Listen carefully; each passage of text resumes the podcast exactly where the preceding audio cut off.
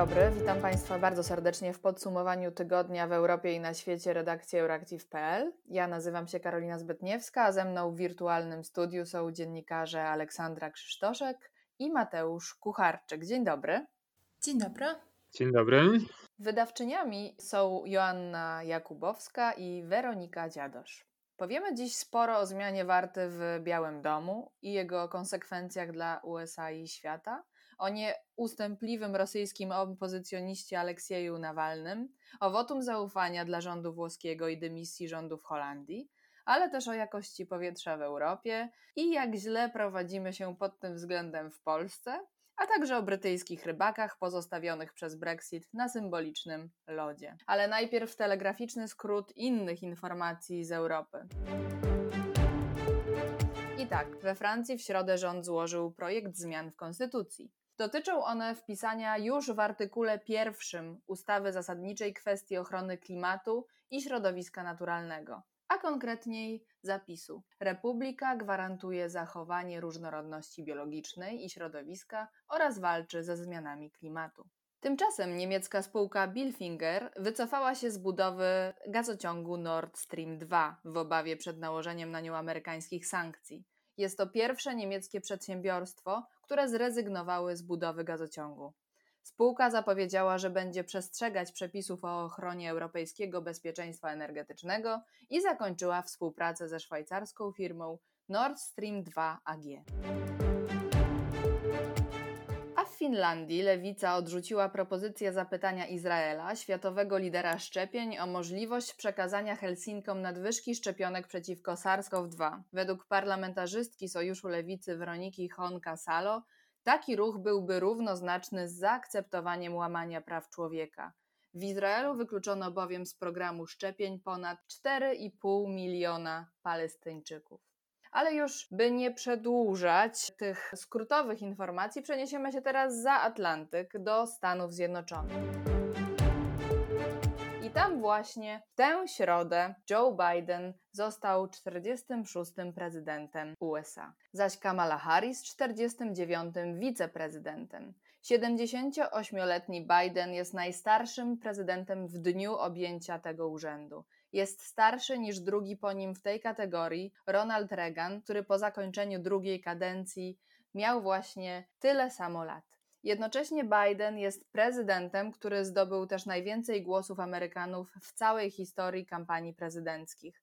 Ale to nie koniec pierwszości. Kamala Harris jest pierwszą osobą pochodzenia afroamerykańskiego, a także wschodnioazjatyckiego na stanowisku wiceprezydenta. Jest też pierwszą kobietą na tym stanowisku. I jak mówi, na pewno nie ostatnią. Biden do Białego Domu wprowadza się z małżonką, dr Jill Biden, która będzie nie tylko pierwszą damą, ale też pierwszą damą, która pozostanie przy swojej aktywności zawodowej. Dr B, jak nazywają ją jej studenci, wciąż na pełnym etacie będzie uczyć pisania na Northern Virginia Community College. Państwo Bidenowie wprowadzają się do Białego Domu z dwoma owczarkami niemieckimi, Majorem i Champem. Major jest prawdziwym psim ucieleśnieniem amerykańskiego marzenia. Jest to bowiem pierwszy lokator Białego Domu, który pochodzi ze schroniska. Kamala Harris z mężem, pierwszym gentlemanem Douglasem Emhoffem wprowadzi się do Number One Observatory Circle, czyli do oficjalnej siedziby wiceprezydenta Stanów Zjednoczonych i jego rodziny.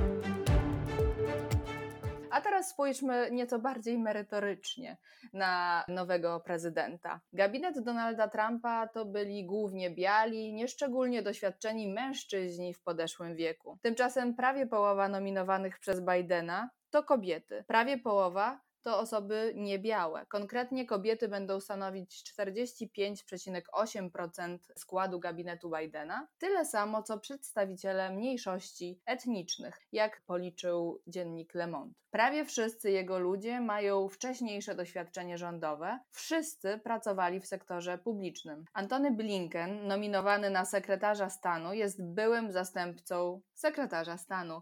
Janet Yellen, którą Joe Biden wybrał na sekretarz skarbu, wcześniej przewodniczyła rezerwie federalnej. Gabinet Joe'ego Bidena jest też gabinetem pierwszych. Deb Haaland będzie pierwszą rdzenną Amerykanką na stanowisku sekretarza. Janet Yellen jest pierwszą kobietą sekretarzem skarbu. Lloyd Austin pierwszym Afroamerykaninem, który poprowadzi Pentagon. Alejandro Mayorkas pierwszym imigrantem, który pokieruje Departamentem Bezpieczeństwa Wewnętrznego. I choć zwykle dzień zaprzysiężenia jest dla nowego prezydenta dniem uroczystości, Joe Biden wziął się od razu do roboty i podpisał 17 rozporządzeń. Dotyczą one m.in. polityki wobec epidemii koronawirusa, klimatu i migracji. Dziewięć dokumentów dotyczy wycofywania lub zmiany decyzji podjętych przez Trumpa. Biden wstrzymał fundusze na budowę muru na granicy z Meksykiem oraz proces wycofywania USA z WHO. Wśród dokumentów znajduje się też tekst znoszący zakaz podróży do USA dla obywateli siedmiu muzułmańskich krajów, czyli niesławną Muslim Ban. Tym samym roboczo nazwałam za austriackim pisarzem Thomasem Bernhardem początek prezydentury Bidena jako proces wymazywania byłego mm, lokatora Białego Domu. Można powiedzieć, że symbolicznie zaczęły ten proces już Facebook i Twitter, wymazując konta prezydenta. Jedną z pierwszych decyzji Bidena, gdy po raz pierwszy zasiadł w środę w gabinecie owalnym Białego Domu, było złożenie podpisu pod rozporządzeniem wykonawczym, na mocy którego USA mają wrócić do przestrzegania zasad porozumienia klimatycznego z Paryża z roku 2015. Mateuszu, opowiesz nam więcej? Oczywiście. E, tak jak powiedziałaś, e, pierwszą, a w zasadzie jedną z pierwszych decyzji nowego prezydenta było podpisanie owego rozporządzenia dotyczącego powrotu Stanów Zjednoczonych do paryskiego porozumienia klimatycznego z 2015 roku.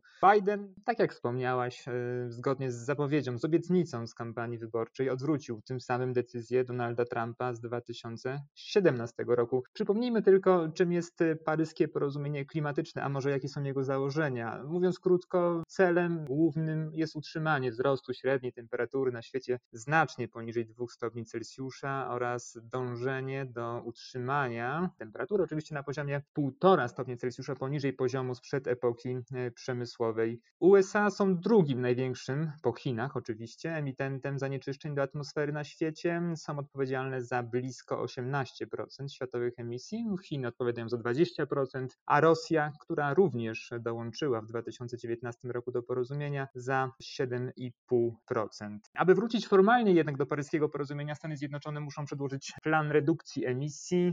Bierze on pod uwagę wszystkie gazy cieplarniane, a redukcje mają dotyczyć wielu branż i sektorów gospodarki, oczywiście głównie energetyki, przemysłu, transportu i odpadów. Obecnie już Ponad 120 państw wdraża albo opracowuje plany osiągnięcia neutralności klimatycznej. No, zgodnie z decyzją nowego prezydenta Stanów Zjednoczonych, Stany Zjednoczone dołączają do Japonii, Korei Południowej czy na przykład Wielkiej Brytanii oraz wielu państw Unii Europejskiej. Dziękuję Mateuszu. A teraz wróćmy do Europy, bo tu też dzieje się wiele. Może najpierw Włochy i poniedziałkowo-wtorkowe głosowania nad wotum zaufania dla rządu Giuseppe Contego. Olu, mogłabyś powiedzieć nam na ten temat nieco więcej? No cóż, można powiedzieć, że kryzys rządowy we Włoszech został przynajmniej na pewien czas zażegnany. Przypomnijmy, że kryzys ów został wywołany przez spór dwóch głównych koalicjantów Ruchu Pięciu Gwiazd i Partii Demokratycznej z mniejszym koalicyjnym udziałowcem, ugrupowaniem Italia Viva byłego premiera Matteo Renziego. Renzi zagroził, że w razie nieuwzględnienia jego postulatów co do Krajowego Planu Odbudowy Gospodarczej, gotów jest wycofać swoją partię z koalicji. Tak też uczynił, a ze swoich stanowisk w rządzie ustąpiły dwie panie minister tej partii, Teresa Bellanowa i Elena Bonetti. Krok ten spotkał się z głębokim oburzeniem zarówno pięciogwiazdkowców, jak i demokratów. Tym bardziej, że odejście Italia Viva spowodowało utratę przez obóz rządzący parlamentarnej większości. Aby zatem uchronić gabinet przed dymisją, premier Giuseppe Conte był zmuszony wystąpić z wnioskiem o wotum zaufania dla rządu. Głosowanie w tej sprawie odbyło się w Izbie Deputowanych w poniedziałek, a w Senacie dzień później. W obu izbach rządowi udało się osiągnąć większość głosów. Tym samym Il Governo Giallorosso, czyli rząd żółto-czerwony, jak nazywają Włosi wspólny gabinet Ruchu Pięciu Gwiazd i Partii Demokratycznej, od głównych barw obu tych partii, utrzyma się przy władzy. Nie udało się jednak utrzymanie większości bezwzględnej, do której osiągnięcia zabrakło głosów zaledwie pięciu senatorów. Jak jednak zauważył minister spraw zagranicznych Luigi Di Maio, większość absolutna ma bezpośrednie znaczenie głównie przy przyjmowaniu ustawy budżetowej i kilku innych rodzajów kluczowych dla funkcjonowania państwa praw, a budżet został już przyjęty, zresztą przy poparciu także Italia Viva. Na razie więc zwykła większość w Senacie wystarczy koalicji do rządzenia. Niemniej jednak gabinet bez stabilnej większości jest mocno osłabiony, co może doprowadzić do jego rychłego upadku. Dlatego Giuseppe Conte, aby zapobiec takiemu scenariuszowi, będzie zabiegał o przeciągnięcie na swoją stronę jak największej ilości senatorów opozycyjnych, czy to byłych członków ruchu pięciu gwiazd, czy bardziej neutralnie nastawionych spośród senatorów Forza Italia Silvio Berlusconiego.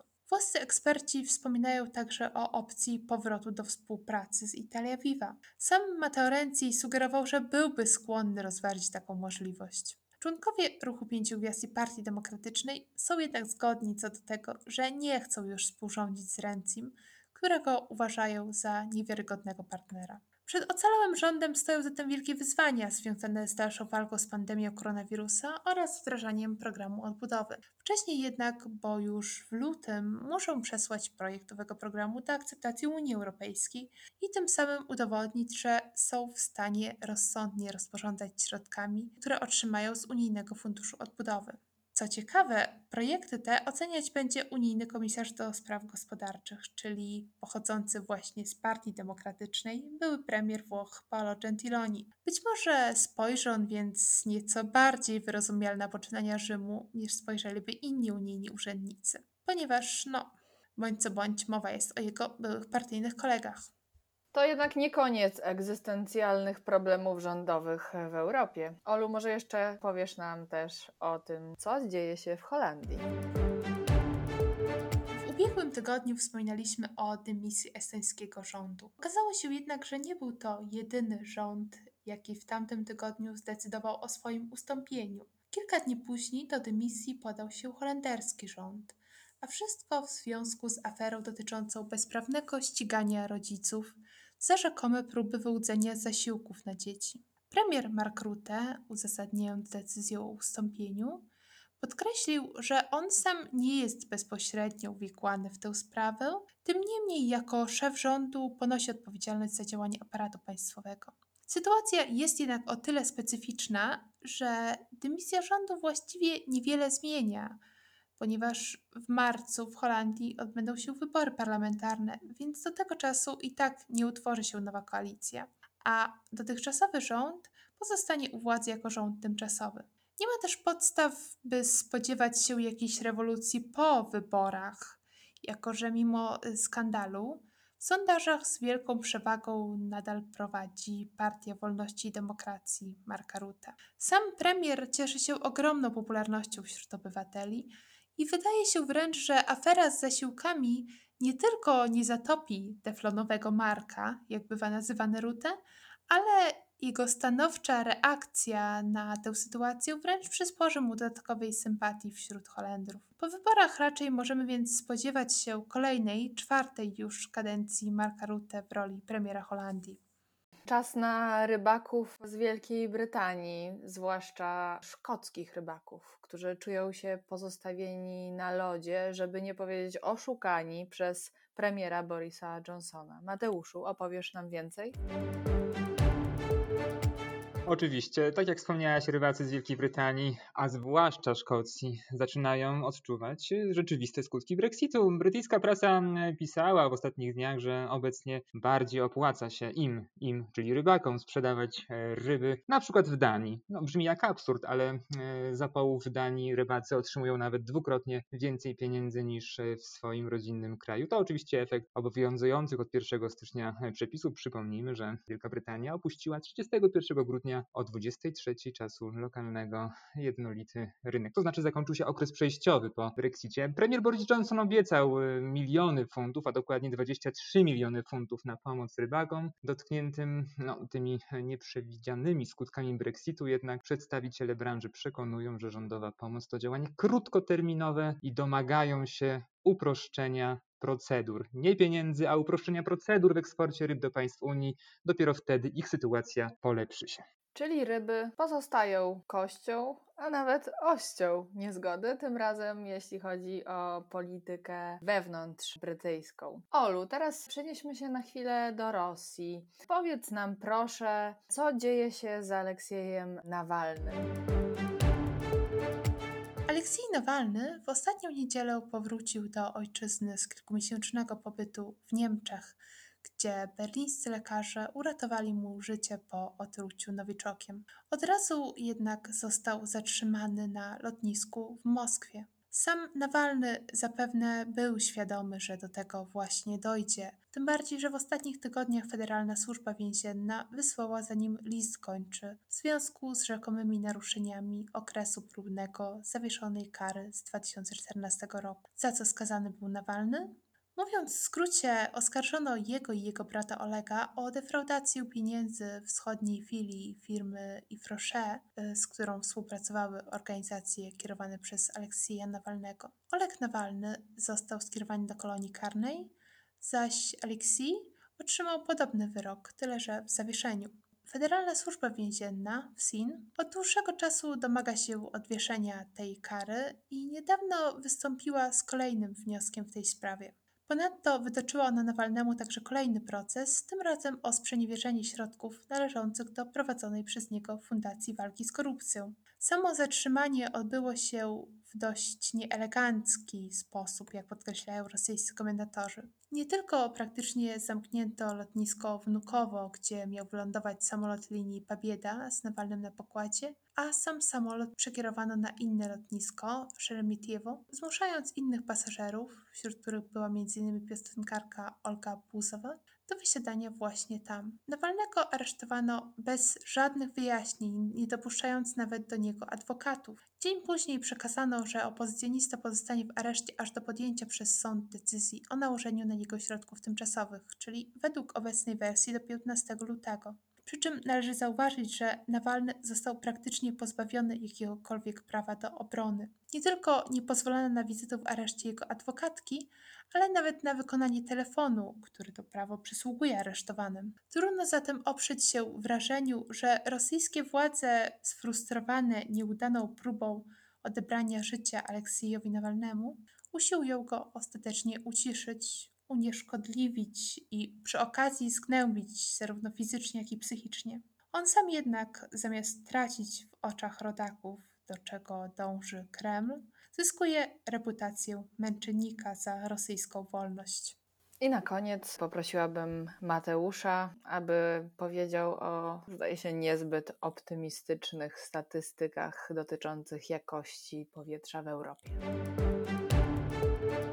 badań naukowców zamieszczonych w prestiżowym e, medycznym czasopiśmie Lancet wynika, że w Europie można uratować nawet ponad 50 tysięcy osób rocznie, jeśli tylko zmniejszy się zanieczyszczenie powietrza. Brzmi łatwo, no ale jak widać mm, statystyki są nieubłagalne. E, w publikacji e, medycznego czasopisma wzięto pod uwagę analizę śmiertelności w Europie spowodowanej no właśnie złej jakości powietrzem. Naukowcy uwzględnili miasta europejskie o najwyższym wskaźniku śmiertelności spowodowanej drobnym pyłem zawieszonym, czyli PM2,5 oraz dwutlenkiem azotu. Z kolei jeden z barcelońskich instytutów zajmujących się zdrowiem publicznym przygotował ranking e, miast o najwyższym wskaźniku śmiertelności spowodowanej właśnie zanieczyszczeniem powietrza na naszym kontynencie. Na pierwszym miejscu rankingu znalazło się włoskie miasto Brescia. W pierwszej dziesiątce są cztery miasta z Włoch i po trzy z Polski oraz Czech. W każdym z przypadków mowa o regionach, o miastach z regionów wysoce uprzemysłowionych, jak włoska Lombardia czy polski Górny Śląsk. Dodam tylko, że w pierwszej pięćdziesiątce miast na liście jest łącznie 16 metropolii miast Polski. Dziękuję bardzo i tym mało optymistycznym akcentem zakończymy dzisiejszy podcast europejski redakcji Euractiv.pl. Byli z nami Mateusz Kucharczyk, Ola Krzysztoszek. Wydawczyniami są Joanna Jakubowska i Weronika Dziadosz. Ja nazywam się niezmiennie Karolina Zbytniewska. Do usłyszenia za tydzień.